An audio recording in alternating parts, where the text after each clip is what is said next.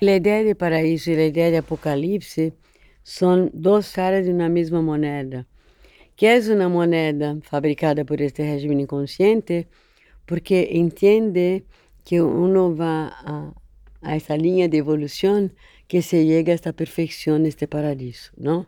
Ou ao contrário, jodió y es el apocalipsis. O es eso o es nada. Entonces, uno quando está tomado mais por a ideia de paradiso é otimista, messiânico. Eu sou um pouco assim. Mi tonteria específica é mais bem otimista. Vocês podem dar um pouquinho de desconto a mim, ah, zero melancolia, tal. Ok, um pouco messianismo judaico que eu intento sair e volta. Bueno. A outra fase apocalíptica é um outro tipo de tonteria que imagina que acabou todo. Claro que isso não existe. A vida é uma pelea entre essas distintas posições. Então, é também em função dessa ideia que uno pensa que para chegar aí há que ter um programa a cumprir, não?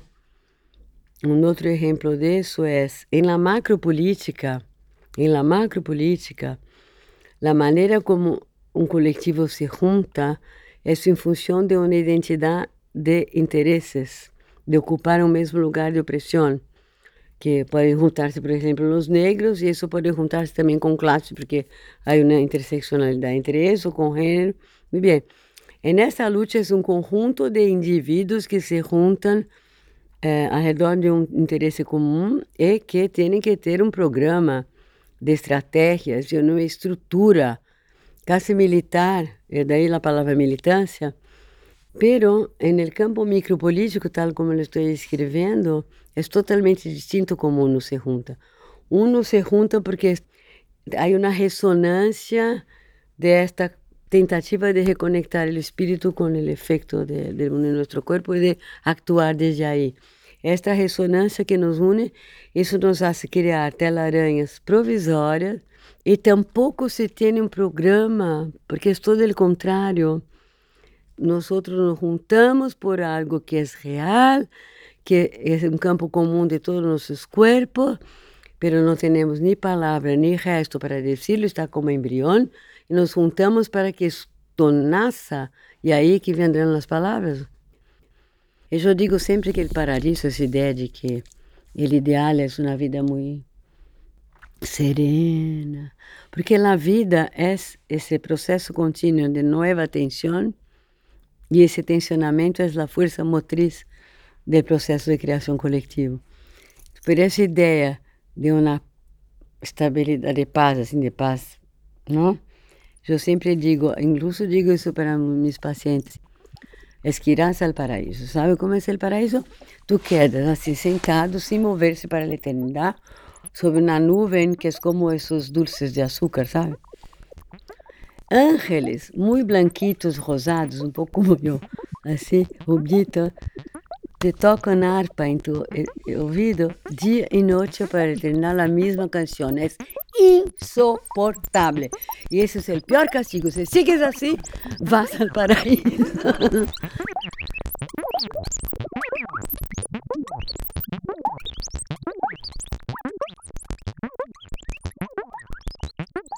Sueli Rolnik es psicoanalista, ensayista y profesora. Es autora de libros como Esferas de la Insurrección y de Micropolítica, Cartografías del Deseo, escrito junto a Félix Guattari, con quien mantuvo una relación profusa de colaboración a partir de sus años de exilio en Francia. Su investigación entreteje marcos disciplinarios distintos, creando puntos de amarre entre la teoría psicoanalítica, la militancia política y las prácticas artísticas, y busca localizar, resonar y hacer crecer germinaciones de futuro que se encuentran suspendidas y palpitan a la espera de ser vivificadas. Sueli nos propone ocupar la fábrica del inconsciente como una manera de remendar la separación contemporánea entre las afecciones y el espíritu. Se trata, en sus palabras, de decolonizar el deseo, sincronizando la potencia de vida con los efectos de las fuerzas del mundo en nuestro cuerpo, asumiendo que la base de la fábrica del inconsciente bajo la actual gestión neoliberal es promover precisamente esa separación. En este podcast conversamos con Sueli Rolnik sobre micropolítica y macropolítica, sobre lo común y lo subjetivo. Hablamos del aire y del presente y de lo difícil que resulta hoy respirar y conspirar. Abandonamos la idea de apocalipsis, pero también de paraíso, y le seguimos el curso a las arañas. Nos detenemos a observar sus hilos resistentes y flexibles y pensamos en la posibilidad de crear telarañas provisorias para el surgimiento de otros mundos. En ese tejer, Sueli toma prestados y comparte con nosotras términos del guaraní como ñe, que significa palabra y también significa alma. La micropolítica es el campo de esta fábrica del mundo, ¿no? Es donde la gestión de la producción y reproducción del mundo es en esa esfera que se producen las transformaciones. ¿En qué consiste esa esfera? La esfera macropolítica es una esfera que tiene que ver con la forma tal como está plasmada la vida en nuestra cultura, ¿ok? Nos, eh, en nuestra cartografía sociocultural, donde, con todo eso que yo estaba describiendo, hay una distribución súper desigual de derechos de acceso a bienes materiales e imateriales, incluso acceso al propio derecho de, de, de existir, ¿no? en el límite, ¿no? Entonces, en este plan, el confronto con lo que está sofocando pasa por un confronto entre distintos intereses em relação a essa distribuição de bens. E é aí que podemos usar as imagens de esquerda e direita, como na Revolução Francesa, os jacobinos, não sei o quê, porque são aqueles que defendem um monopólio desses direitos, não, na acumulação de direitos em uma pequena parte das élites, e uma absoluta ausência de direitos, cada vez menos direitos para o resto da humanidade, que é a grande maioria, e cada vez menos segundo o lugar que se te, te é atribuído nesta hierarquia racial que não se aplica só a color de piel, sino a, a, a origem étnica, a gênero, eh, e com a Revolução Industrial, incluso a própria classe.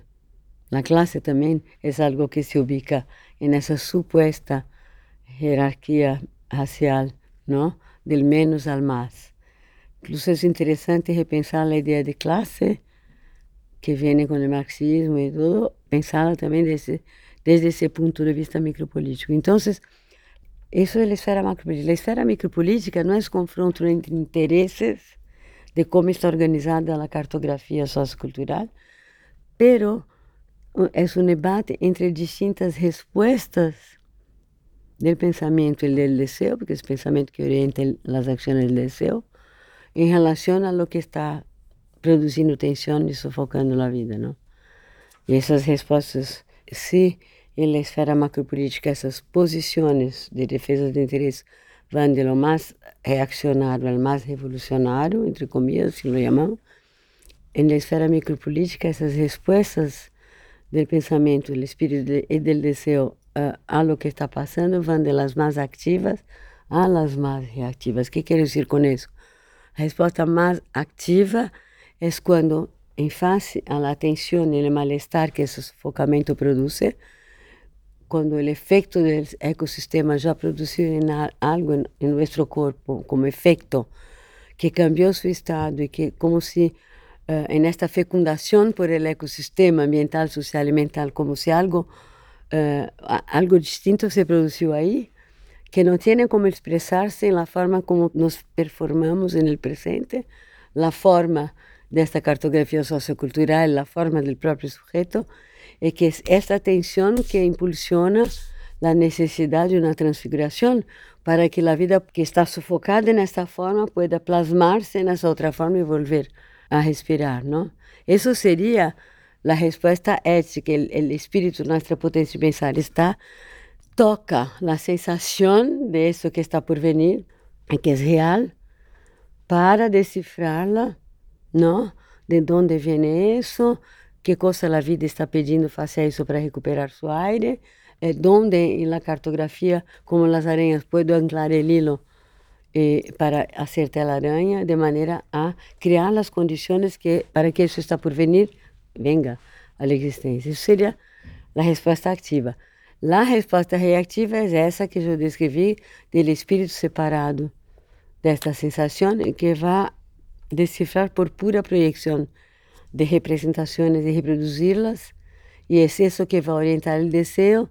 Então, a resposta do desejo para criar formas que permitam a acumulação de capital se vai dar através do consumo de algo com que te identificas e que tem uma espécie de valor no mercado del mercado de los sujetos e que te vai dar a sensação que se uf, agora sim estou sendo reconhecida, volvi, recuperei meu equilíbrio, tudo está bem, não? Mas a vida sigue totalmente sufocada. Então, a esfera micropolítica é a esfera do confronto entre essas distintas respostas do desejo e que isso não é neutro, porque dependendo qual tipo de resposta está predominando a cada momento, isso é nesta fábrica de mundo, né, de produção e reprodução de, de, de, um modo de existência, vai estar predominando a atividade. Eh, vai estar predominando a interrupção da germinação de seus futuros em gestação, vai interromper. E, e vai se produzir um monocultivo nos campos social e, e subjetivo, não como o monocultivo de soja, que interrompe todas as interações, que homogeniza todo o campo, pero eso interrumpe las interacciones y la tensión que eso produce, el movimiento de transformación que eso produce, como lo interrumpe, va agotando la vida hasta el límite, es decir, que el extractivismo que está en la base del capitalismo no es el extractivismo concreto en las minas, de la tierra, de, la, de las montañas, de la, de la plantación, de todo, y del humano, de la fuerza de trabajo, etc. No es solo eso, sino es o capitalismo se alimenta desse desvio e cafeteio, da potência vital mesma. Então, são dois tipos de violência, macro e micropolítica, que são totalmente dependentes uma da outra, porque só com esta, por estarmos estruturados segundo esta cosmovisão que existiria essa hierarquia racial entre todos os tipos de grupos humanos e formas de viver, é na base disso que se naturaliza esse grado violento de desigualdade na esfera macropolítica, porque isso está naturalizado. Eu disse que essa esfera micropolítica é como a esfera da fábrica de subjetividade do mundo. Se tu não cambias a gestão desta fábrica, puedes fazer o socialismo o mais contemporâneo, espetacular, honesto, de verdade, de distribuição realmente de uma estrutura que permite que todos accedam cada pero todo vuelve a ser o mesmo lugar porque o modo de produção da subjetividade e das relações sociais é o mesmo. Eh, tu sigues desconectado com o real de los efectos do ecossistema ambiental, social, mental em tu corpo, não? Por isso é um erro cair em melancolia ou llorar, nos han traído, nos han traído, o movimento, mira o que passou. Não, é que é graças a essas experiências maravilhosas, que são as melhores que hemos tenido na sua história de revolução, de todo tipo de revolução, é graças a essas experiências que passou, eh, por exemplo, Cuba é uma experiência divina, esses machos, aí macho, não macho no sentido os machos que vêm aí e tomam nessa isla em los anos 50, lá dos Estados Unidos, logram manter-la, cambiam completamente eh, a ideia de educação, de saúde, é maravilhoso.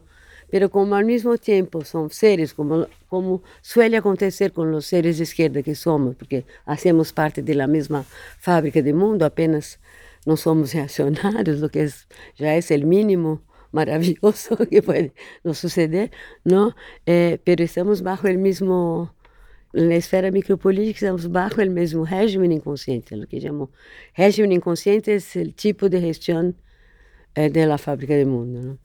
Entonces, que eso se vuelva machista, dictatorial, eh, homofóbico, racista, etc., não há que llorar, porque isso é o que nos ha permitido, a largo de, de de toda essa história de revoluções de vários tipos, de nos dar conta que estamos também bajo o domínio disso nessa outra esfera e que isso é um trabalho super fundamental e ao mesmo tempo que não tem os mesmos instrumentos que o trabalho macropolítico.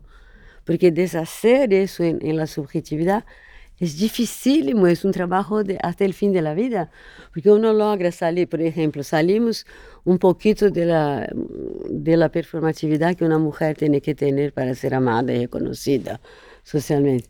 Salimos um pouquinho, salimos um pouquinho da heterossexualidade, não sei o quê, mas quando vês, vuelves exatamente ao mesmo tipo de relação com o outro, onde o outro não é uma presença vivendo em tu corpo, não? E con la cual eh, el otro no es algo que te fecunda y que a partir de ahí surge una cosa que no soy ni yo ni el otro, sino el otro sigue siendo algo que está fuera de mí, sobre el cual proyecto, por ejemplo, que todo el valor de mi existencia viene de, de la mirada de un hombre. Mesmo como somos mulheres superactivas publicamente. Mira, estou dando exemplos básicos, mas é muito difícil deshacer. Como para os chicos também, é como sair desta performatividade macho que é completamente tóxica do macho machista, não? É horrível. E não é assim óbvio. Agora, ideologicamente, me dei conta, ai, que bueno, amanhã por la manhã, já.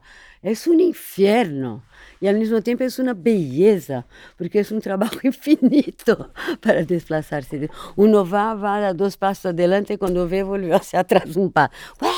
Em vez de llorar, ai que bueno, agora puedo me dar conta mais um pouquinho de que coisa passou que me hizo volver a esta merda e, tal, e não? E avanças um pouquinho, pero o pouquinho que um avança, vocês concordam, dá um alívio.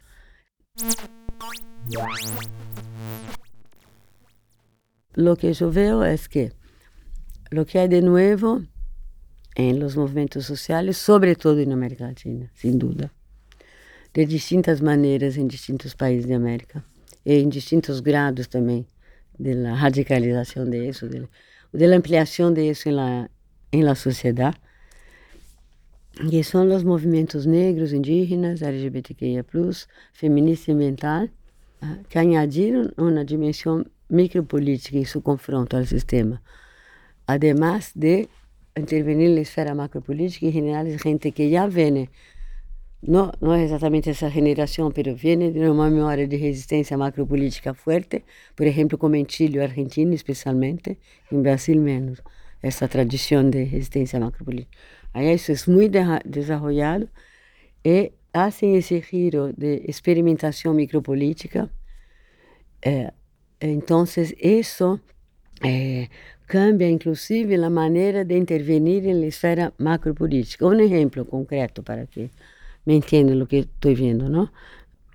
Quando um negro, um indígena, um trans, uma mulher, falava na esfera pública, na esfera macropolítica, o que chamamos de esfera pública, eh, porque também o público e o privado também é uma maneira de entender a subjetividade e o coletivo muito deste sistema.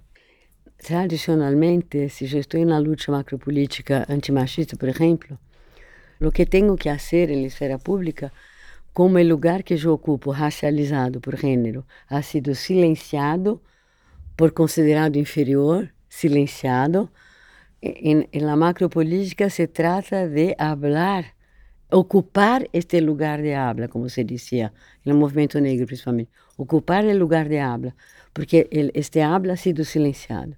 Então, como oprimido que não puedo, não puedo manifestar e participar dessa construção, eu assumo e hablo, não hablo, hablo desde desde o interesse de minha experiência, o que há que dizer, não? Essa é uma coisa fundamental, mas não basta. Lo que está pasando con los movimientos es que además de reivindicar derechos y hablar, poner su voz para reivindicar sus derechos y salir de ese lugar de menos, se habla desde otro lugar. Es decir, si yo ya no estoy hablando desde el lugar de la víctima y de la oprimida contra mi opresor, que isso é uma cena como uma cena de teatro com dois personagens, e os dois personagens são responsáveis por este script, não? É, se eu saio desse personagem que ocupa esse lugar de oprimido e de vítima eu empiezo a, a performar em outro lugar que não tem nada a ver com esse rol da mulher nesta merda, eu destabilizo completamente o próprio script. O outro personagem, como que me vai contestar o outro personagem se eu mudei completamente o que eu fazia, performava e dizia nesse script? Então, isso me parece muito importante para a pergunta que ao lado de de ocupar o lugar de habla, o que está ocorrendo nesses movimentos, principalmente em América Latina, é falar desde outro lugar. É um outro lugar que está sendo construído.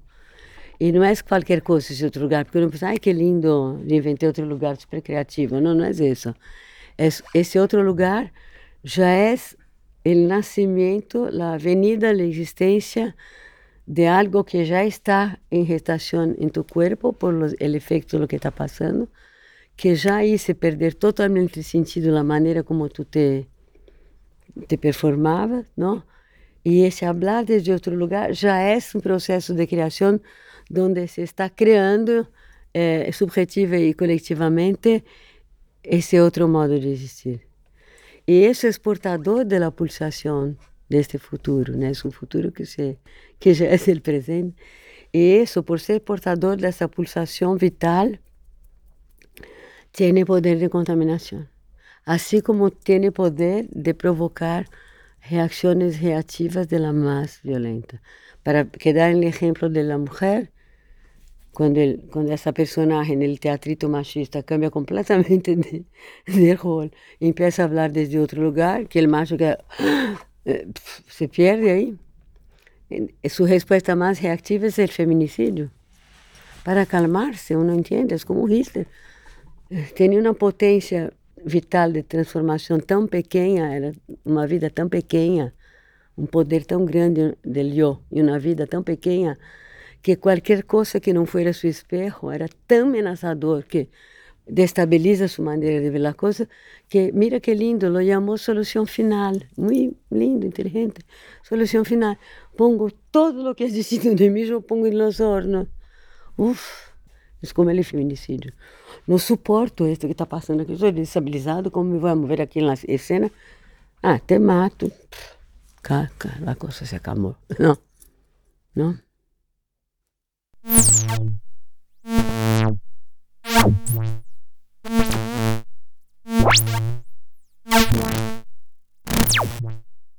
Por supuesto se vai confrontar com reatividade pela forma Estado e da sociedade tal como está.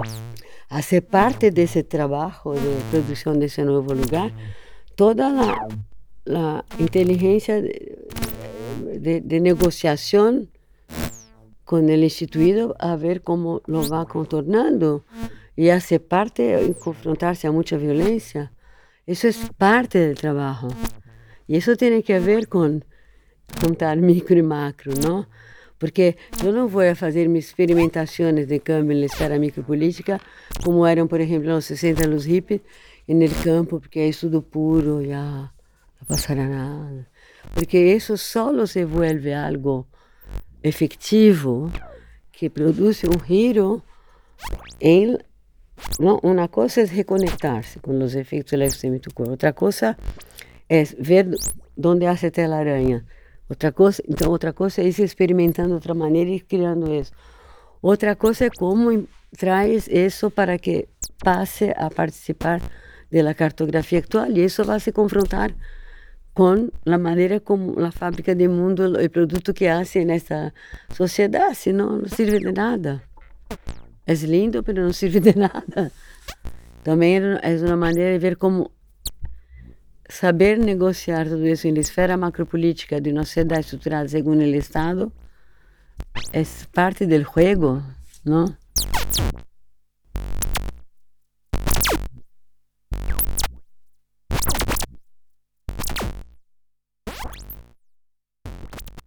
Eu definiria o comum, que é uma palavra muito de moda, que me, sempre nos irrita, não? Quando uma palavra empieza a estar de moda, porque perde sua alma, não? Pero em geral, muitas vezes quando se habla de comum, vem de comunista. É uma ideia do comum que vem do comunismo. Nada contra essa coisa mais linda que hemos tenido, nada contra. Ok, é que estamos em outro momento. pero comum para mim é o ecossistema ambiental, social e mental, é decir, que somos parte como viventes desse ecossistema e por princípio somos um, somos um conjunto de potências específicas, cada corpo, pero por princípio em interação com todas as forças que compõem esse mesmo ecossistema. E nessas interações, as potências de cada corpo se afetam mutuamente. Não? Por exemplo, a presença de um bolsonarismo tem efeitos nosso corpo de destabilizar e despotencializar outras experiências, lo potencializam, lo ampliam, lo cambiam, lo que somos.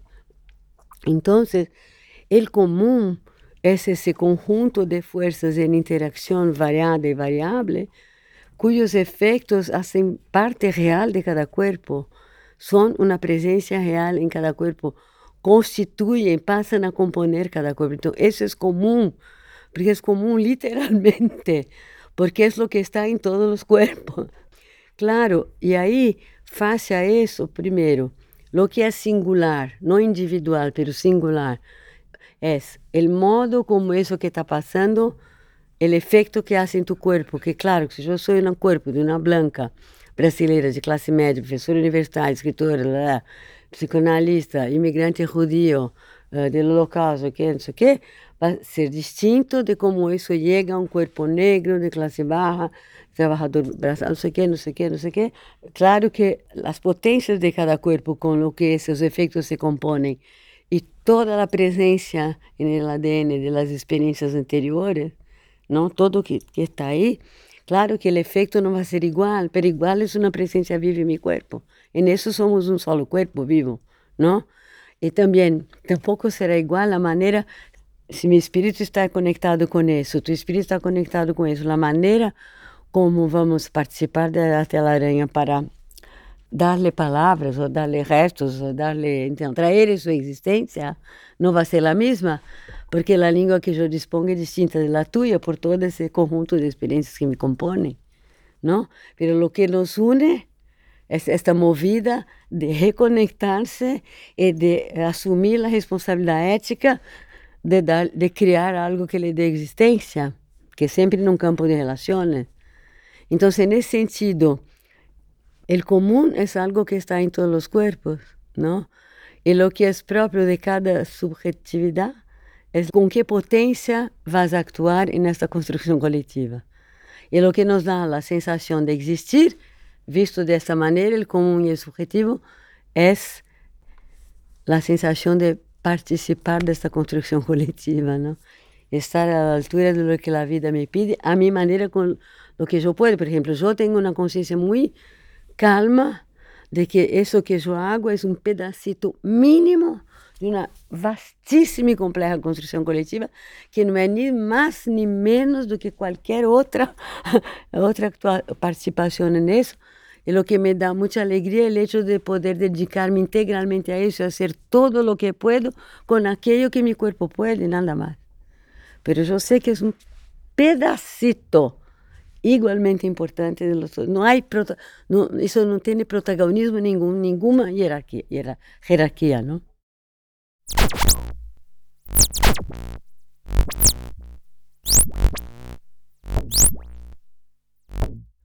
La idea de público y privado tiene que ver con, una, con ese régimen inconsciente colonial, sea patriarcal, capitalista, el Estado, tararara, como forma de gobernabilidade, porque tem que ver com essa separação da presença do ecossistema em meu corpo, não? separo desses efeitos. Então, eu posso pensar que o coletivo é algo que está fora de mim, al qual eu pertenço, não? E, e, e eu sou o individual. E tudo que diz respeito, eu sou indivíduo, separado, não? E tudo que diga respeito a decisões coletivas a ser parte da esfera pública, deste, dessa somatória de, de sujeitos. E que tudo que diz respeito a mim é da esfera privada, porque não tem nada a ver, nada a ver com isso que se passa na esfera pública. E isso é, é uma maneira também, para mim, esfera privada vai junto com família nuclear burguesa, parejita, conjugalidade burguesa, tudo isso vai junto e tem que ver com a concepção de uno como indivíduo, porque se tu estás separado dessa conexão com os efeitos do ecosistema em tu corpo, que fazem que o mundo é uma presença viva em tu corpo, que o outro é uma presença viva em tu corpo que te transforma, se estás separado disso, o outro é algo que está fora de ti. Então, nessa experiência que, que implica a ideia de público e privado, o outro é algo que está fora de mim, sobre o qual eu projeto representação. E nesta outra perspectiva, o outro, essa perspectiva, como eu defini anteriormente, o subjetivo e o comum, o subjetivo é hecho de las potências próprias de um corpo e de los efeitos eh, del otro, de la alteridad del ecosistema en, en, tu cuerpo, porque eso te fecunda permanentemente, ¿no? Y viceversa. Entonces, eh, y eso que, que es el sujeto es un proceso continuo de transfiguración por efecto de esta participación intrínseca, así, no es inseparable con el ecosistema. Es totalmente diferente. Por eso, la tradición de la izquierda siempre ha atacado é, todo ativismo que vem dessa esfera, porque entendem, quando eu disse isso é subjetivo, então, então é burguês. Porque a ideia de burguês é que, que não tem responsabilidade com a esfera pública e só atua e interessa a esfera privada e esses que defendem. Então, um ser de esquerda, por mais lindo que seja, um Fidel, por exemplo, não? lindo, não sei, pegamos alguém mais, um Petro, lindo, maravilhoso eh, por mais incrível que seja neste plano, não, sigue entendendo público e privado, nossa responsabilidade é trabalhar no público e todo que vem da subjetividade é da esfera do indivíduo e da esfera privada, por lo tanto é burguês. assim ha sido atacada a contracultura ferozmente nos anos 60 e 70, não? Yo sé porque eso pasó en mi cuerpo, yo fui presa por la contracultura.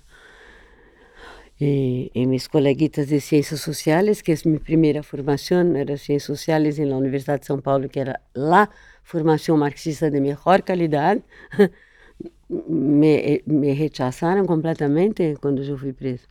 Porque a irresponsável, cara essa chica burguesa, estava aí involucrada com a contracultura, com essas experimentações de modo de ser, que responsabilidade frente à luta, não? Como se isso não fosse nada.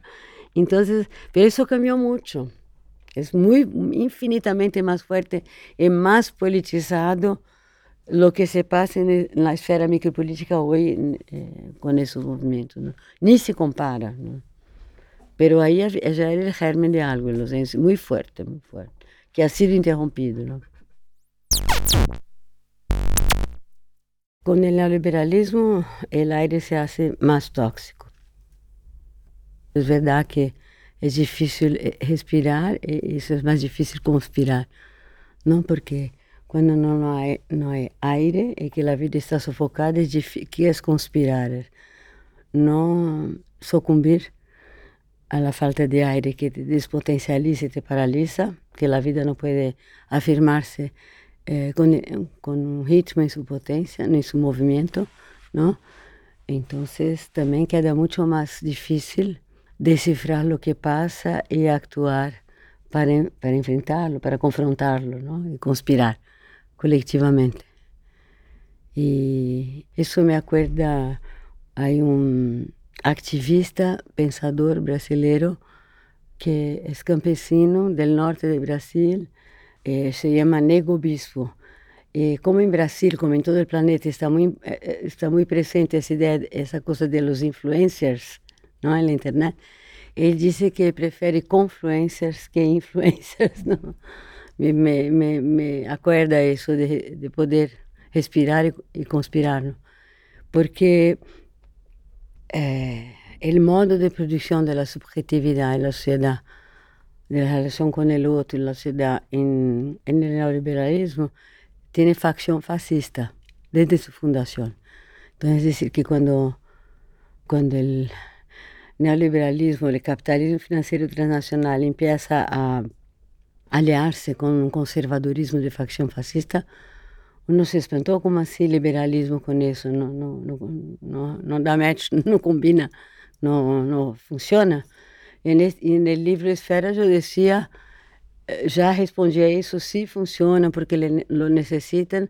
E minha ideia em Esferas de Insurreição é que necessitavam construir figuras capazes de mobilizar uma, uma subjetividade de facção fascista e que essa seria la, el rol de, de los presidentes da República, uma espécie de populismo que não é só um populismo de direita, um populismo fascista, de facção fascista, pero todo el plan del Estado y del manejo de la economía no sería el rol del presidente, sino sería orientado por los intereses del capitalismo financiero transnacional, y que eso sería una cosa que tiene su tiempo hasta movilizar eso en la población y después ya lo botaría en la basura.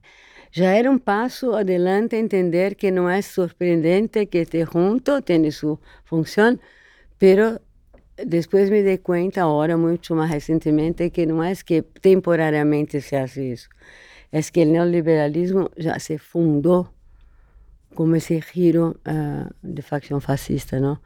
E basta uh, que nos recordemos que o primeiro grande laboratório de implantação do neoliberalismo no Estado ha sido el Chile de Pinochet, ¿no? La, la dictadura esa, eh, que toda la economía era manejada por lo que llamamos Chicago Boys, que eran esos chicos de, le, de la élite chilena que estudiaron en la Universidad de Chicago, economía, eh, donde había Friedman y toda la, esa elaboración del ideario uh, neoliberal, ¿no? Lo que pasó es que, um, y eso no es teoría de la conspiración, es basado en hechos, e que nas férias de insurreição está em uma nota de pé grande, porque eu mesmo me espantei muito quando em minhas investigações descobri isso, é que com a caída das ditaduras na América Latina e, também na União Soviética, não, que isso, ao longo dos anos 80, 89, a caída do muro de Berlim, eh, quando ha havido isso, depois disso, ha havido toda uma ascensão de liderazgos de esquerda progressistas, esquerdas de vários tipos? E na América Latina, super, em vários países, né? E aí, eh, ex-presidentes, gente de justiça, gente de grandes corporações mediáticas de toda América, toda América do Sul Central e também Estados Unidos, eh, hicieron três reuniões, e isso é hecho, não é teoria da conspiração, eh, se reuniram primeiro na América Latina, agora não me acordo exatamente a fecha, mas algo como 2011, eh, em duas cidades da América Latina que tampouco me acordo quais, uma é Brasília, em Brasília. E a terceira reunião ha sido em Atlanta, em Estados Unidos. E nesta reunião eh, estruturaram sua estratégia e escreveram, escreveram uma espécie de declaração. E aí decidiram que que a ideia era como retomar o poder do Estado, o poder político. Então, eh, ideia é que já não era o momento de fazê-lo por golpes militares e implantar ditaduras, por duas razões. As razões que eu leí, que estavam nas reuniões, porque, segundo eles, a esquerda se ha, ha deixado a luta armada e agora estava lutando no plano da cultura, assim lo entendem. É um pouco vago, assim, abstrato. E que então tinham que actuar neste plano. A segunda coisa que se pode dizer é também que não interessa ao neoliberalismo manter os corpos como fijados, não? Porque necessita subjetividades muito flexíveis que podem uh, saltar de uma coisa a outra, de um campo de trabalho a outro, de um país a outro, enfim, não? esta coisa identitária fija uh, não é, é um estorvo para o neoliberalismo. Isso não disse na reunião, disse essa outra coisa. Então, decidiram que lo hariam intervenindo na cultura e lo harían por golpes suaves, assim lo dice literalmente, golpes suaves com máscara de legalidade. Que era a intervenção em lo que eles chamam de cultura. E podemos chamar de cultura, é que cultura para, para nós blancos é uma coisa separada de todo, não? Se entendemos cultura como o plano onde se fabrica um certo tipo de subjetividade, uma certa visão de mundo, um certo tipo de Sociedad sí podemos llamarlo cultura, pero no me parece la mejor palabra, porque está llena de sentidos que no tienen a ver con eso. Entonces, quer intervenir em la cultura eh, eh, consistiu em, em construir uma máquina de produção de subjetividade de facção fascista, que se pode dizer facção fascista porque tem semelhança com o fascismo histórico dos anos 30 na Europa, 1930, eh, que consiste em eh, construir narrativas que falseiam totalmente a realidade. E tu vas te alejando cada vez da realidade e te vas colgando cada vez mais nessas narrativas, não? E, pero isso, nos anos 1930, por exemplo, um Hitler, é, é, jefe, essa narrativa sai da boca do jefe por la rádio para todo o povo, o povo como se fosse uma coisa universal, assim, bueno, ¿sí? Ha tenido um poder incrível, né? de movilização e de distorção? E de uh, um lío semântico nas cabeças, não? E apartá-las da realidade.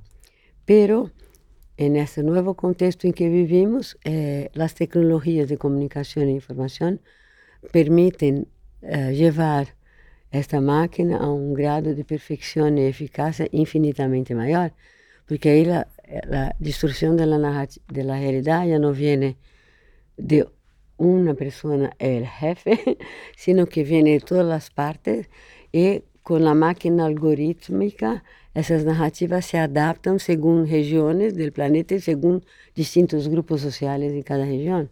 Então tem um poder de mobilização, de, eh, de mobilizar identificação infinitamente maior e hace, também le dá eh, uma coisa é que a gente se sente parte de uma narrativa que estamos todos juntos, que é a nação, todos juntos. Outra coisa é tu sentir que haces parte de um bando, não? E que é o bando que está com a verdade, não? E isso é tão poderoso que, como vengo dessa experiência bolsonarista em Brasil, uh, isso ha produzido um verdadeiro colapso cognitivo. A gente está totalmente alta, assim, totalmente e com narrativas completamente estrafalarias.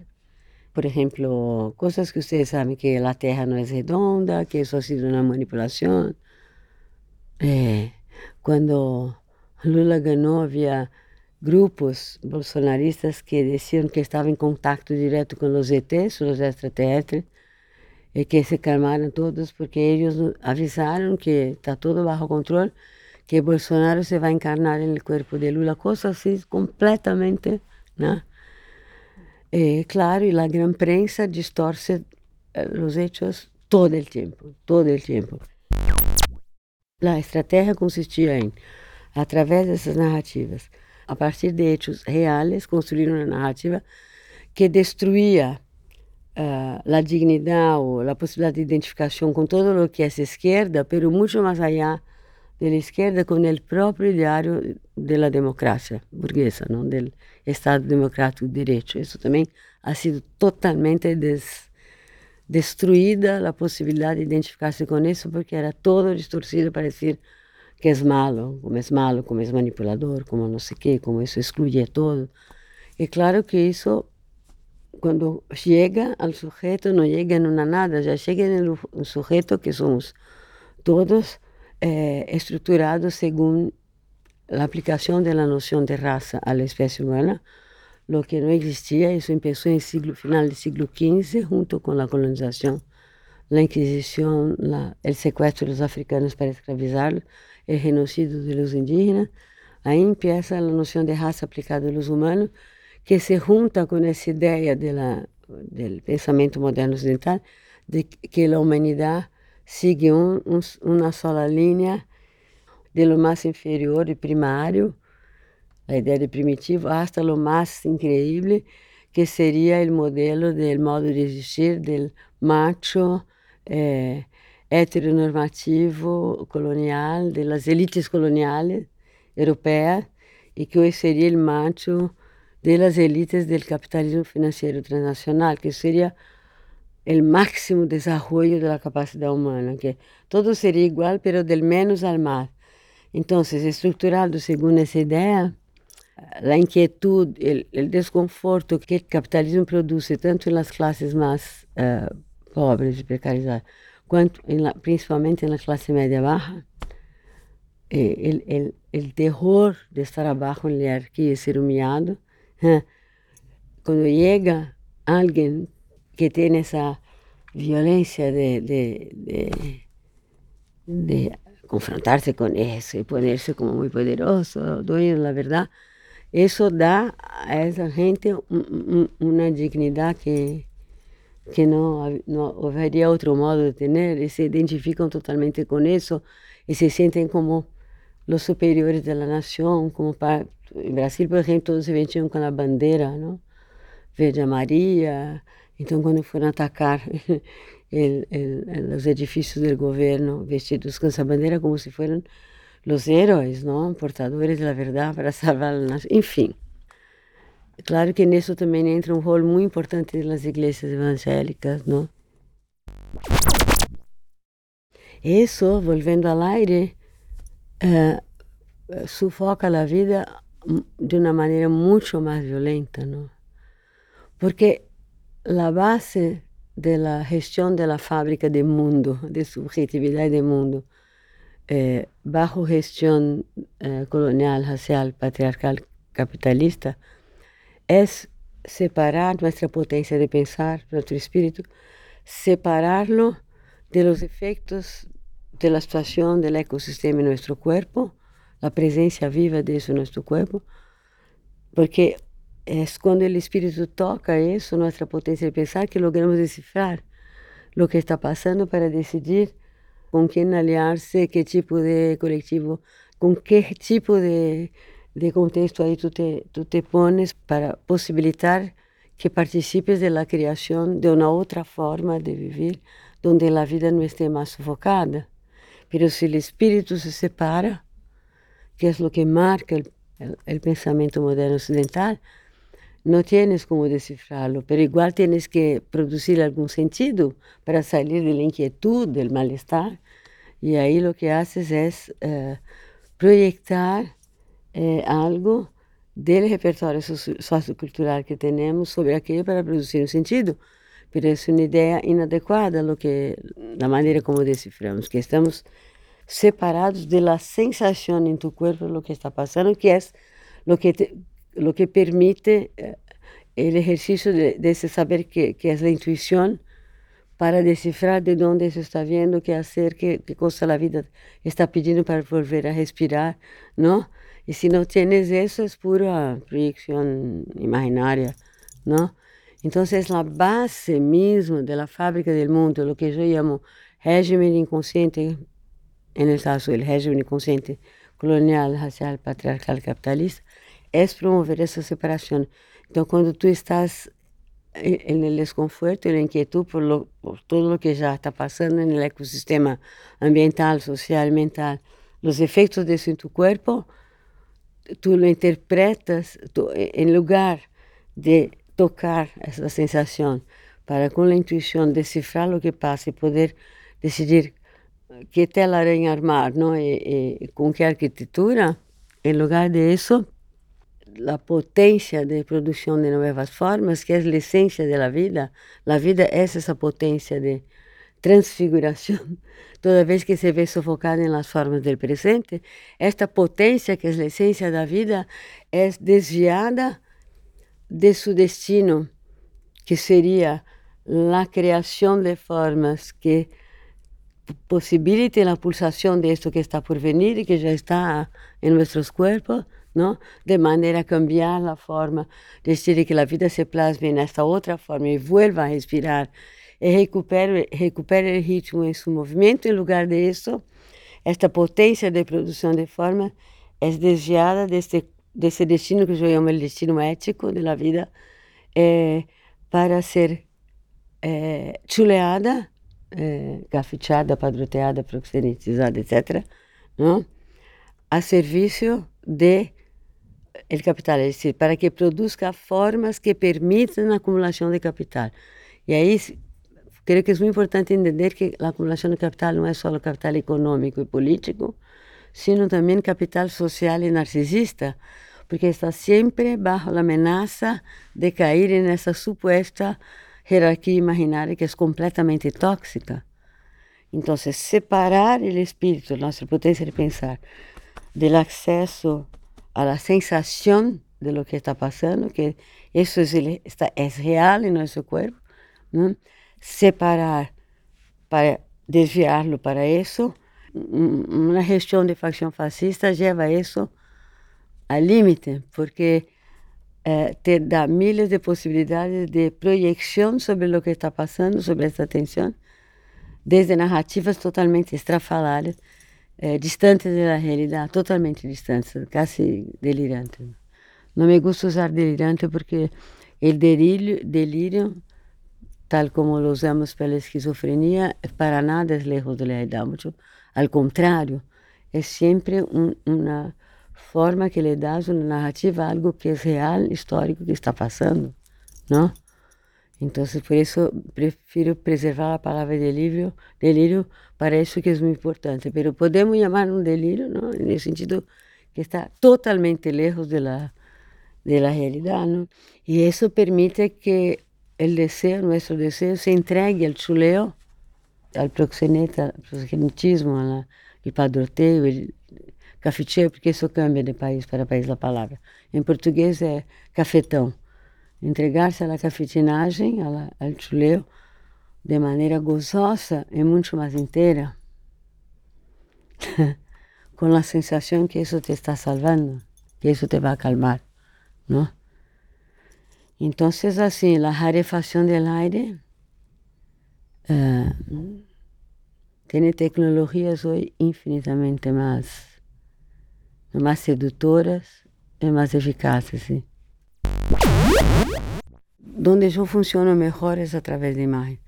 E também porque uh, em minha geração, classe média, uh, de, estudada, é basicamente de filosofia francesa. Minha, e eu quedei em exílio quase 10 anos em França, então minha formação é esta, intelectual francesa.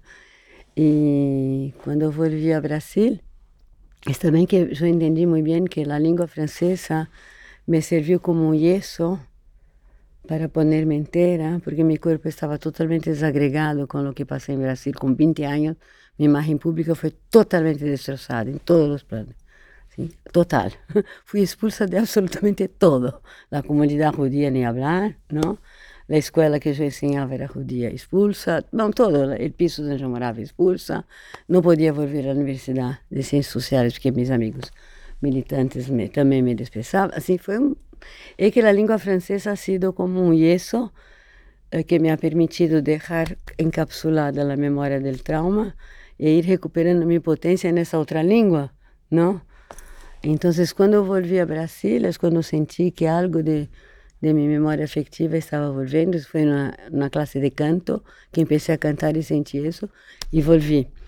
E ao volver, fui recuperando uma coisa da língua brasileira, uh, não necessariamente de, de universitária.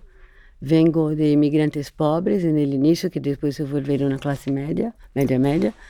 E então, vivi entre imigrantes, em barro obreiro, isso faz parte da minha formação.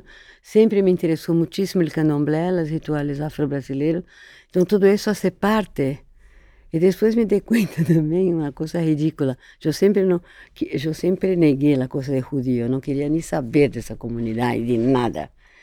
E, e depois, mas em los anos mais recentes, me dei conta que tudo o que hago viene de una cierta tradición judía, de las distintas tradiciones que hay, que es una tradición que estaba acá en Península Ibérica en la, en la Edad Media, antes de la Inquisición, y que volvió a, Polonia, a Europa del Este en el siglo XVII. Y yo tengo un abuelo, no voy a contar detalles porque eso no interesa, que era un sabio de eso, en, la, en su pequeña aldea de judíos donde vivía. No era el Rabi, era el sabio. E, e isso tudo me vem direto e que tudo o que hago é simplesmente cumprir uma tarefa que eu recebi que tenho que cumprir o melhor que posso. E aí me acalmei com essa coisa de judío e está tudo bem. bueno, então para dizer que falar com, com parábolas ou com imagens me hace mil vezes mais sentido como palavra alma como algo que es portador de la pulsación del afecto que estoy queriendo darle un decir, que ciertos términos de la filosofía francesa, por ejemplo, que tienen su sentido allá en su historia, pero que para nosotros es un sentido muy abstracto. Es difícil sentir lo que está pulsando en esos conceptos. Pero eh, con, yo, yo, toda mi búsqueda es encontrar la imagen eh, portadora de la de eso que estoy intentando traer a la existencia, que está en mi cuerpo y que tengo que encontrar la imagen, las palabras, ¿no?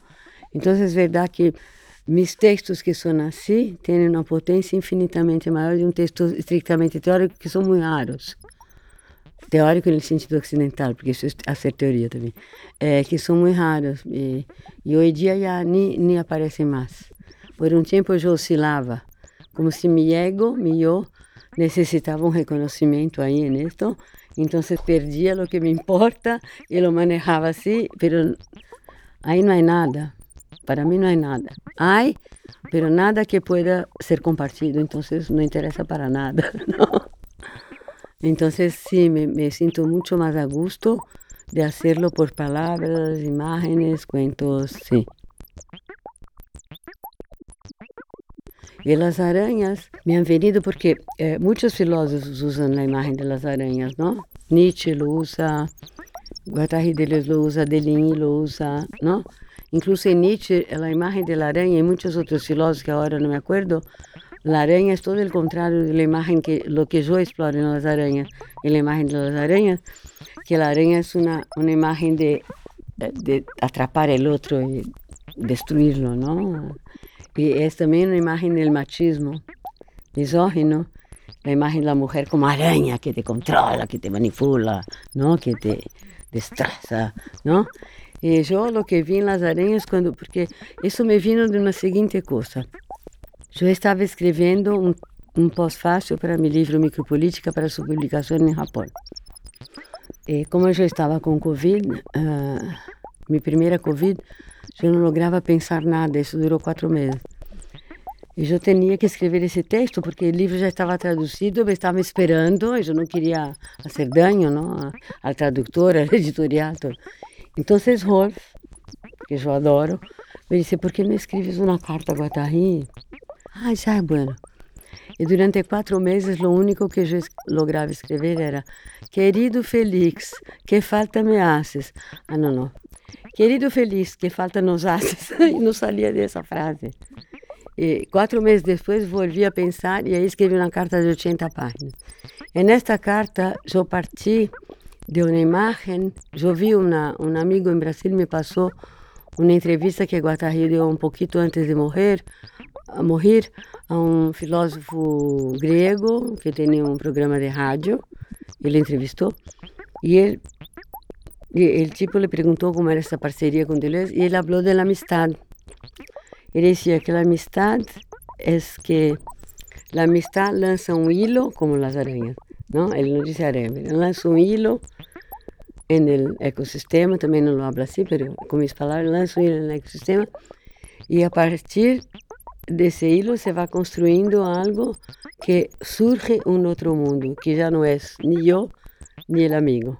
Entre los dos surge un otro mundo y ahí eh, les complementaba en otro texto que, que se materializa como concepto.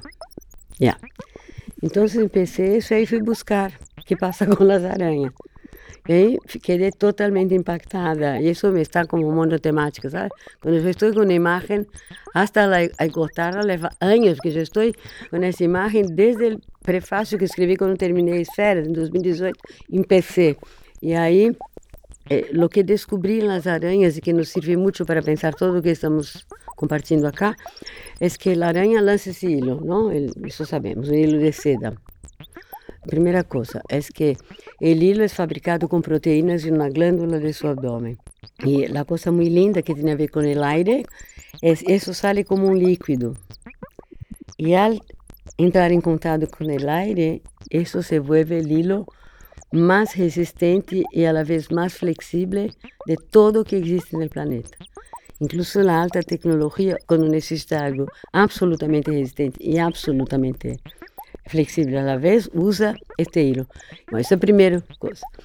La segunda cosa es que ese hilo tiene la capacidad de captar todas las frecuencias de vibración que componen el ecosistema ambiental donde está inserida, inserida la araña. Lindo. Más lindo es que estas frecuencias de vibración vienen por ondas a través del hilo hasta llegar al cuerpo de la araña, al abdomen. Y cuando llegan ahí, la araña siente que algo está pasando y que algo cambió real en su cuerpo. Una presencia en su cuerpo que cambió. Hasta ahí es una experiencia, eh, es una sensación corporal que la araña vive pasivamente. Pero está ahí, pum, algo está pasando. Ok. Ahora viene la cosa más linda. Es que con algunas de sus patitas, eso depende del número de patitas de la especie, porque hay más de 400 especies de araña. Las patitas envueltas en los pelos, son peludas. Toca la sensación, toca la sensación y con eso descifra la causa de ese estado, de dónde vienen esas vibraciones, qué están produciendo en su estado vital, qué cambió y qué cosa la vida está demandando para recobrar de nuevo el equilibrio. Y es con esta descifración que la araña decide dónde anclar, anclar el hilo el ambiente para hacer telaraña e, e, e, com que arquitetura hará essa tela, porque as arquiteturas variam, arquiteturas variam segundo o que ela tem que produzir aí, para que a vida recobre seu equilíbrio. Por exemplo, se, se há ameaça de predador no ambiente, é um tipo de telaraña que vai proteger dos predadores. Necessita de alimento, é um outro tipo. Necessita de esperma, isso também é muito lindo é, porque o aranho não toca o corpo da aranha, o aranho lança seu esperma na telaraña. É uma telaraña específica que vai atrair o macho para poner o esperma. E dependendo como o macho, isso, isso é muito louco, isso não me gusta tanto, mas é assim, que dependendo de como o macho responde, chega a la aranha, ou vai, ok, poner su esperma se vai, e se vuelve, tiene un huevo, ou ella puede matarlo. Entonces eso me permitió pensar de manera mucho más simple, no en el sentido de simplificación, sino en el sentido de consistencia, sin decoraciones barrocas envueltas de palabras y palabras. Esa imagen de cómo es en el humano. Primero el hilo, no lo vemos, que nuestro hilo, que es nuestra pulsión vital, está en el ecosistema, no lo vemos, pero estamos totalmente ahí. Primeiro. E a segunda que seria em nós eh, as patitas peludas? Aí eu digo, as patitas peludas são o espírito. Ou, e eu uso a palavra espírito propositalmente para provocar, que é uma palavra muito cursi. Hicieron del espírito mucha mierda ¿no? en nuestra cultura, entonces lo uso, eso también me gusta mucho, provocar, usar palabras totalmente inadecuadas para el mundo universitario, adoro. Entonces, espíritu yo de, defino como nuestra potencia de pensar, de descifrar. Entonces, las patitas peludas del espíritu tocan la sensación que yo llamo afección. Espinosa que inventó esa palabra, pero me, esta palabra sí me parece que hace sentido portadora de alma, porque tiene que ver con dejarse afectar por el otro. Entonces, afección, ok, lo mantengo.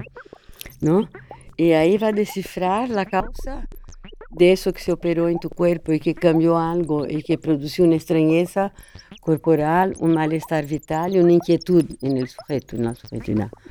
Entonces descifra la causa de eso, dónde viene, descifra qué cambió en el estado y por qué la vida está sofocada ahí y qué necesita para recuperar el aire, ¿no? que implicaría un proceso de una movida vital pulsional que, que permitiría a la vida plasmarse en otra forma donde eso que está por venir pulsa ahí y ahí recupere el aire. Entonces, volviendo a la araña, eh, eh, las patitas peludas del espíritu tocan esta sensación, decifra então o que a vida está pedindo, o que há aí já como um re... fui fecundada por este ecossistema, há algo, um futuro em gestação que tem que vir na existência, e o espírito, por um lado, decifra isso, e decifra o que? Na cartografia sociocultural que temos, dónde puedo anclar el deseo, puede anclar el hilo hacer telaraña para que eso se vuelva posible, este proceso de creación, que siempre ocurre en un campo de relaciones, ¿no? No es en tu cabeza. Tú lo experimentas, experimentas una otra manera de, de ser, de relacionar. Entonces eso me sirvió para poder hablar que, que el saber primordial es este saber que el, el espíritu opera en contacto con, con los efectos del ecosistema en el cuerpo. No basta decir en contacto con el cuerpo, porque se separó mente del cuerpo, no es eso. En contacto con los cambios que se pasó en tu cuerpo por la presencia viva del otro en tu cuerpo. Y para poder decir que esto es lo que ha sido uh, eh, desactivado en la cultura blanca eh, colonial, ser patriarcal, capitalista, antropofalo, ego, logocêntrica, tchalala, adoro tchalala, tchalala. Por ejemplo, cuando mataron los cuerpos de las mujeres en las hogueras, o la o cuando eh, el de indígenas, o la tortura y la esclavización de africanos, o la Inquisición también, la perseguición, tortura y muerte de los judíos, eh, musulmanes y cristianos antes de la instalación, el chuleo de Cristo por Roma, cuando fundó la Iglesia Católica Romana, que chuleó, chuleó la figura del Cristo, ¿no? Eh, eh, lo que estaba siendo destruido no es solo el cuerpo concreto, pero el ejercicio activo del espíritu que había en todas esas culturas y en las mujeres en la Edad Media. Es eso que ha sido puesto en la hoguera, ¿no? Pero eso no muere, ¿no? Eso no muere. Walter Benjamin dice, no dice con esas palabras, así si me preguntan dónde están los saberé decir, pero sé que dice, y me encantó, uh, es que la relación con el pasado, con las ruinas del pasado que ha sido destruido, no consisten en uh, buscar, excavar las formas del pasado para repetirlas en el presente, sino que buscar los gérmenes del proceso de germinación del futuro que ha sido interrumpido, porque eso no muere. Está bajo los escombros las ruinas, pero no, jamás muere. Si hay algo que sigue es la vida. Es la única cosa que se puede confiar. Entonces, está ahí, hay que activar el presente. Lo que va a producir, producir no tiene nada a ver con las formas del pasado que ha sido destruido, sino con la activación nuevamente de este contacto del espíritu con la presencia del otro en tu cuerpo, ¿no? Y esa cita que yo dije de Guattari también dice cómo nacen los conceptos. Por eso me gusta. Habla de qué es la amistad, que podemos llevar también, qué es una relación afectiva amorosa, que sea hetero, homo, lo que sea, trans, lo que sea, no importa que, en qué consiste. Consiste en un campo de confianza donde tú dejas ser fecundado por los mundos que este otro trae, y eso te cambia y algo se va produciendo que cambia los dos, no es que vas a ponerlos juntitos en una sola cosita, al contrario, que cambia eh, el uno y el otro y se va construyendo, ¿no? Entonces, como una pequeña telaraña. Entonces, primero nos permite pensar eso la amistad y del amor, y salir de la cosa romántica. El otro es que nos permite pensar de dónde nacen los conceptos, de los efectos de, del ambiente en tu cuerpo, la presencia viva. Eso es producción de concepto. Mientras que en la tradición occidental los conceptos son producidos desde una separación entre el espíritu y las afecciones, ¿no? En lugar de eso que se hace, el espíritu cuando está separado, como dije, solo puede usar lo que tenemos como repertorio de lo que yo llamo saber archivo.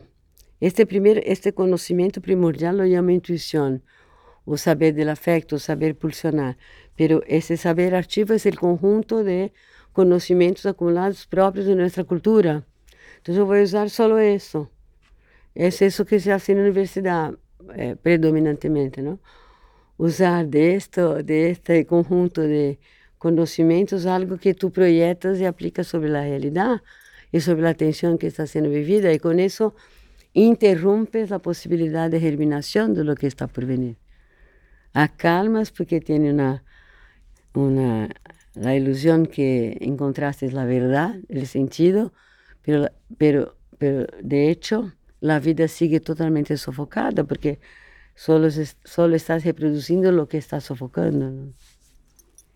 Então, tudo isso, as aranhas.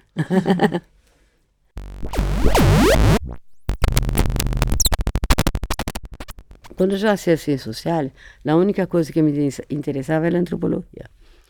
Eu lo hice pouco, bom, não importa os detalhes. Pero aí comecei a encontrar en el movimiento indígena muchas cosas. Yo soy muy amiga, por ejemplo, de Ayrton Krenak, eh, pero más allá de eso, soy amiga de Ticho Escobar, no sé si conocen, que es un pensador, curador, ativista, fue ministro de Cultura de Lugo, del único gobierno progresista eh, en Paraguay, que es un infierno Paraguay. Eh, ele é um grande conhecedor da língua guarani, porque em Paraguai, de meu ponto de vista, uma das razões que o Paraguai é tão desprezado e tão destruído sem parar e governado por la, lo mais grosseiro de direita, mais corrupta, horrível e cruel, é que Paraguai é o único país de todo o continente onde la, das línguas indígenas é oficial como o espanhol. Então, 80% da população habla espanhol. Blanquitos, como nós de classe média, hablam guarani e espanhol. E a língua, a língua exportadora de muitas memórias. Né? Língua guarani, as palavras mismas, todas são portadoras desta outra maneira, este outro regime inconsciente onde os pelos dos espíritos têm que estar conectados. Todas as palavras traem isso. Então, é, Tício me, me ensina algumas palavras, sei muito, muito poucas, pero cada palavra que me ensina me quedo louca por meses, anos, porque é tão lindo. Então, por exemplo, isso é de palavra, mas o término que usam para dizer palavra é nhee, não com essa pronúncia, sim? Porque a língua guarani é muito linda porque tem muito mais vogales, porque as cinco vogales cambiam totalmente se são nasales, guturales. Isso não sei, não logro imitar. Bueno, pero el término para palabra es ñe, ñe si, si tú le traduces literalmente es palabra alma. E que en nuestra lengua podríamos, podríamos decir en español o portugués palabra alma, palabra alma. Ya en francés no se puede hacer eso, en inglés, pero para nosotros sí. Y eso es muy interesante porque eso muestra que para ellos palabra y alma están potencialmente juntas, potencialmente. Pero pueden no estar. Y eso es lo más lindo. Para ellos, todas las enfermedades, sean fisiológicas, emocionales, mentales, espirituales, lo que sea, vienen de la separación entre palabra y alma. Eso ya nos muestra que ellos entienden la enfermedad. Primero, ¿qué sería el alma? Es claro que lo, la modo como yo defino el alma para ellos no es como ellos definirían el alma, es como a vibração da presença a palavra eh, produz, que efeito produz em mim, com que se conecta e como lo trago a palavra, não? Eu diria que a alma é o conjunto de potências próprias de cada corpo, que cada corpo tem potências específicas, é com essas potências que uno atua em, la, em, em las telarañas para devolver a la vida seu equilíbrio, não? Pero la, esse conjunto de potências não é, quando estamos falando de indivíduo ou de privado e público, não é separável assim, eu sou um indivíduozito e meu contenido, minha interioridade já de um conjunto de potências. Não, porque isso está necessariamente, que lo sepas ou não, que lo quieras ou não, em interação constante com as outras forças vivas que compõem o ecossistema, produzindo efeitos. Então, isso está sempre se movendo. Esse conjunto de potências está sempre explorando outras posibilidades por los efectos del ecosistema en tu cuerpo, por la presencia viva del otro. Entonces, ¿qué es la enfermedad? La enfermedad cuando la vida pierde su potencia, se debilita. Creo que eso es una, una definición muy sencilla y muy obvia. Cualquier tipo de enfermedad, sea emocional, psíquica, espiritual, mental, sé qué, o física, fisiológica, es algo que pasó que la vida está debilitada. Bueno, Entonces, si la potencia de vida estar en su potencia involucra esse processo permanente de transfiguração toda vez que se vê sufocada nas formas de presente, la separación del espíritu con lo que con los efectos del ambiente produce enfermedad, porque no tienes como esa potencia no, no, se, no se activa para crear algo que traga a la existencia lo que ya está por venir ya en tu cuerpo, que necesita otro lenguaje. Eso, primera cosa. La segunda cosa es que eh, el término que ellos usan para eh, garganta, que tiene un término para decir garganta en, en, sentido anatómico y el término que utilizo normalmente para garganta que es ñe raichi. Eh, ñe, palabra alma, raichi, nido. Garganta es nido de palabra almas. Sí, yo llamo garganta nido de palabras almas porque saben que las palabras empiezan como, como embriones. Y si empiezan como embriones, es, son fruto de una fecundación. Y si son fruto de una fecundación que está en mi cuerpo, es fruto de la fecundación de mi cuerpo por las fuerzas, por los efectos de las fuerzas que componen el ambiente. Y la salud involucra uh, crear las condiciones para que eso que está en germen pueda nacer, pueda venir a la existencia.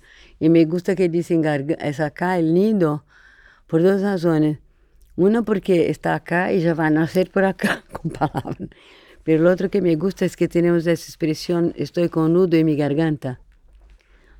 Entonces, el nudo en la garganta cuando estás en una inquietud, una, una extrañeza, es cuando estás habitado por gérmenes de futuro y que vas a tener que dar, dar cuenta de eso, estar a la altura de eso para que eso venga a la existencia.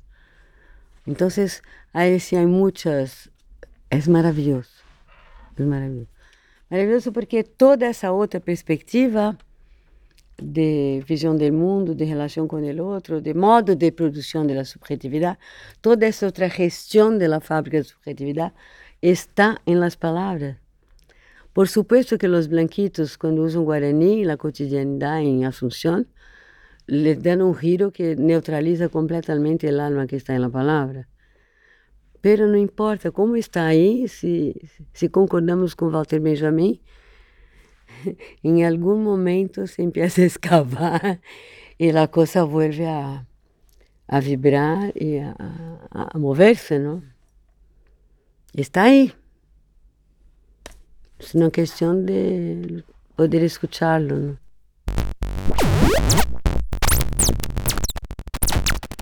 Quando a palavra, ou o resto, ou la, um outro tipo de sexualidade que está praticando, ou etc., ou na obra de arte, é portadora da pulsação do que está por vir, do alma que pe estava pedindo passo como germen acá, tem poder de contaminação do ambiente. É decir, quando eu estou dizendo isso a vocês, isso acá en este, essa telaraña específica, eso tiene la eso llega y afecta a tu cuerpo en un lugar que ya está en tu cuerpo. Y si tú no estás totalmente en la neurosis, que es estructural, es decir, el espíritu separado, ya en esta conversa tu espíritu toca ese afecto y ya tú inventas otras maneras también de darle nombre, etc. Y ahí se va creando una posibilidad entre nosotros, ¿no? Entonces, eh, lo que yo llamaba polinización, en algún momento que eso, eso era una sugestión de Rolf, yo quería decir ese poder de contaminación, de movilización de lo que está alrededor, movilizar esta conexión. Cuando el alma está pulsando. En, en culturas indígenas o culturas judías, cristianas o musulmanas antes de la Iglesia Católica, acá en Península Ibérica, o em culturas africanas e mesmo em culturas afro-brasileiras ou afro-colombiana, esse processo de cultivar a conexão do espírito com os efeitos da força do ambiente em tu corpo é algo que tem miles de rituais para que tu lo desarrolles desde que nasciste até a morte.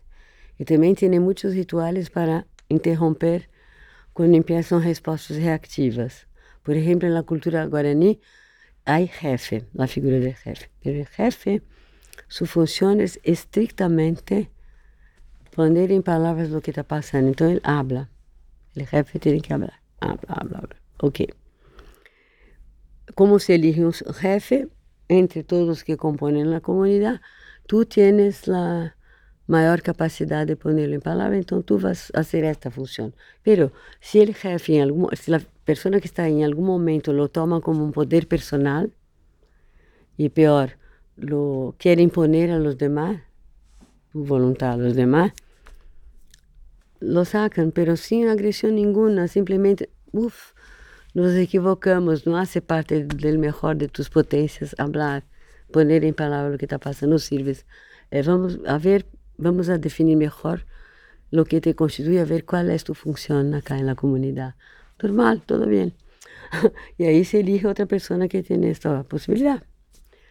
Então, que vemos com isso? Quando, quando um membro da comunidade empieza a actuar reactivamente, desconectando o espírito de, de, de, de las afecciones, o de, porque lo que, que el jefe habla, el efecto de lo que está pasando en su cuerpo, el, es, la, es sus palabras para el, lo que es común, ¿no? Si él se separa y se ve como un individuo separado y que tiene poder sobre los demás, es porque empezó, separó su espíritu de las afecciones eh, empezó una respuesta del deseo reactiva a lo que necesita venir de existencia. Entonces ellos tienen un ritual para interromper la reactividad, porque imagínate, nosotros conocemos eso muy bien.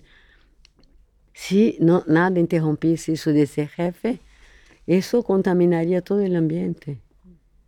Porque es impresionante la rapidez y el poder que tiene la reactividad de, de contaminar todo a su alrededor. Porque quando eu actuo assim, me desconectando, se minha atuação no ambiente é assim, é um ponto de necrose da vida no ambiente. E isso não é neutro para o ambiente. Primeiro, porque produz um ponto de necrose. Dois, porque isso tem o poder de fazer metástase. E nós, em nossa cultura, não temos nenhum ritual, nenhum regulador sociocultural que cultive essa conexão. Por el contrário, todos os reguladores socioculturais desse modo de existência cultivam a reatividade.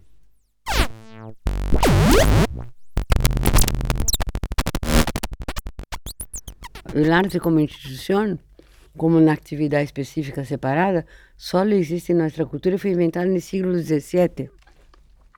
Primeiro em los palácios de los nobles que eles fizeram galerias específicas para pôr as obras dos pintores Depois, com a Revolução Francesa, nascem os museus públicos. Aún, e só aí se poderia produzir algo, criar algo desde lo, de las afecciones, desde lo que a vida está pedindo, não? Aún que isso só produzia objetos de arte, proposições artísticas, não tem que ver com a com a construção de outra forma de viver, não? Tinha que ver com isso aunque os museus públicos eram e seguem sendo frequentados por classes médias e elites, aunque esses objetos só estão em museus e galerias, aunque são objetos de mercado, a um, a um, a um, quando uma obra de arte, uma proposição artística exportadora dessa conexão de lo que está por venir, del comum, tal como está no corpo do artista, La obra es portadora de esta pulsación y tiene poder de contaminación, aunque limitado a esa gentita que va ahí, eh, eh, que la tendencia es verlo solo como un objeto lindo decorativo, ¿no? Y no dejarse afectar.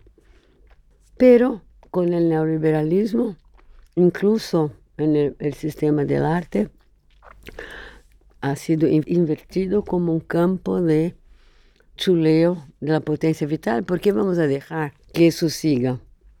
Si ahí es donde está más fuerte el ejercicio de esta potencia vital, súper interesante caficharlo, ¿no? chulearlo, para llevar esta potencia a producir formas que permitan la acumulación de capital. No solo porque en el sentido objetivo del mercado, que es la cosa que más multiplica rápido capital, es la forma más fácil de lavaje de dinero y de acumulación de capital, pero también de capital social y narcisista, porque alguien de la élite que no es coleccionador de arte es cursi, es cursi, no va a tener mucho suceso en, el, los banquetes, porque es cursi, ignorante. Alguien de la élite chic, interesante, es alguien que es coleccionador de arte, ¿no? Entonces todo eso, ¿no? Pero entonces, como dice el neoliberalismo, ahí también o sistema se puso com violência sobre o exercício disso, incluso no campo artístico.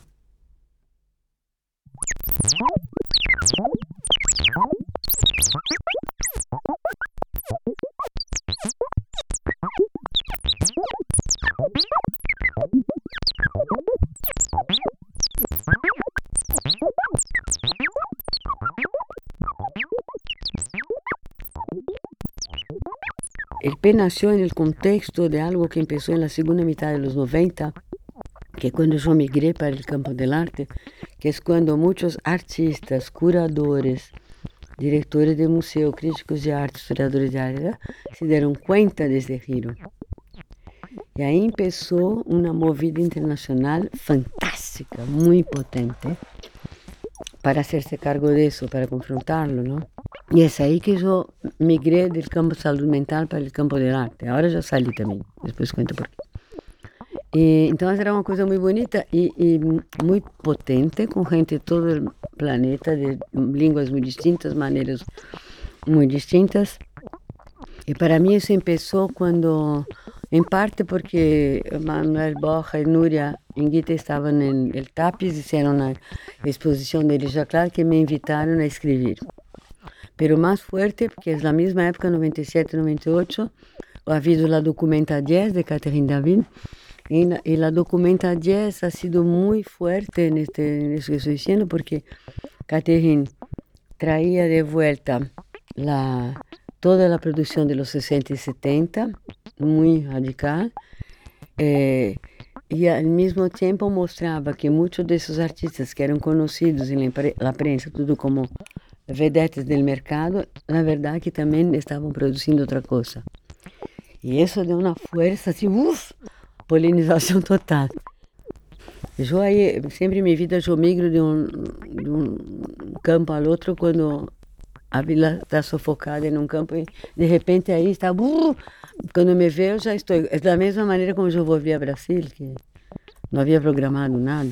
Eu pensava que nunca mais ia volver. Entonces, es en este marco que pasaba ahí.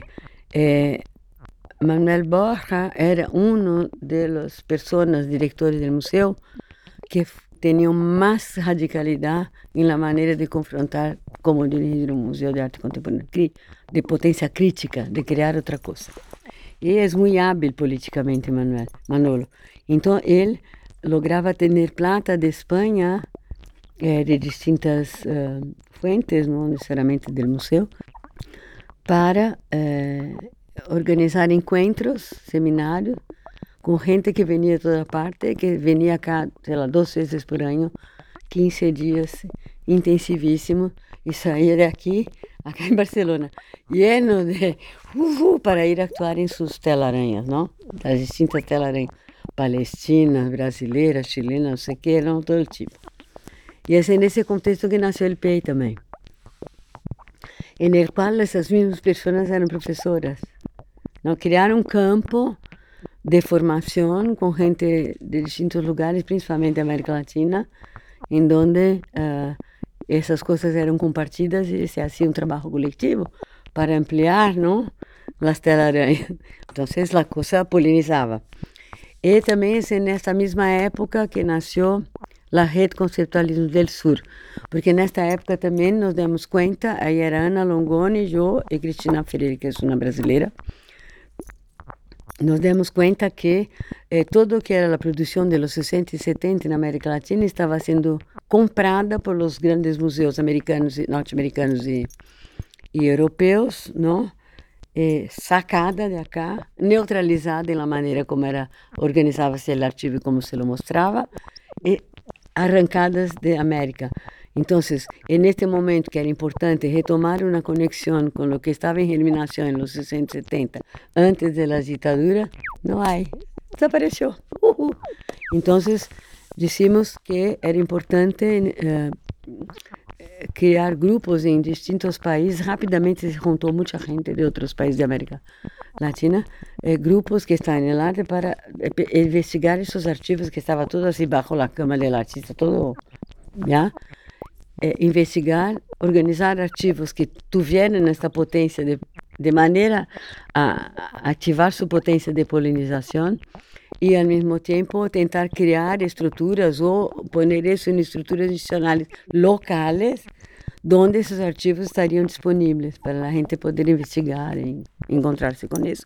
E não deixar mais, a cada vez que se iba a vender uma obra, a ser um, um lío uh, muito forte, porque era toda a América Latina. E Manolo, para isso, também logrou muita financiação para pagar esse trabalho de los arquivos e foi muito forte. Existe assim, hoje estou mais afastada disso porque me afastei do campo de arte, mas por igual recebo todos os e-mails, ela tanto, de vez em quando falamos, mas não estou participando, mas há muita gente hoje, não sei, umas 80 pessoas, sigue. Começou no mesmo momento que o país sigue até hoje.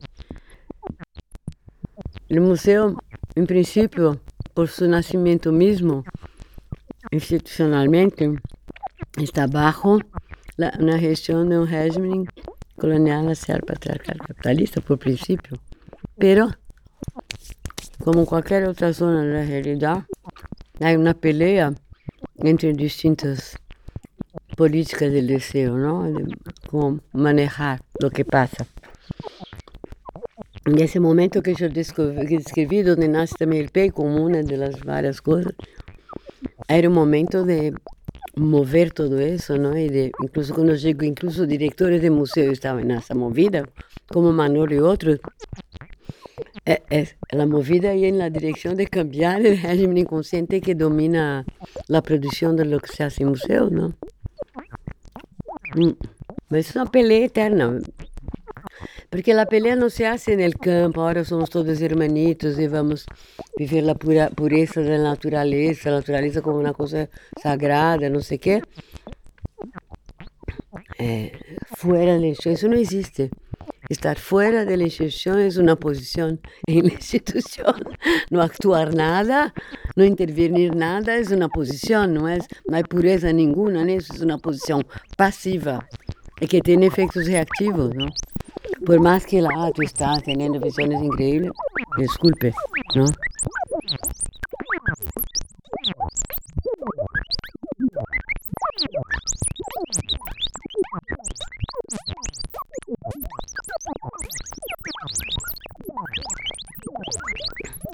Eu digo que o único confiável é a vida. E as piores catástrofes, isso não vai parar aí. Em algum momento, a coisa se vai experimentando por outros lados. É, muito mais que em qualquer ideologia ou qualquer amistade. Ou... Tudo pode ser muito provisório, mas isso não, isso nunca acaba, nunca, nunca desaparece, não morre, não como esses, esse processo de eliminação que ha sido interrompido, Walter Benjamin disse isso que temos que ativar no presente. Isso não acaba nunca. Assim que, Cero melancolia, por favor. Delante de la mierda que estamos.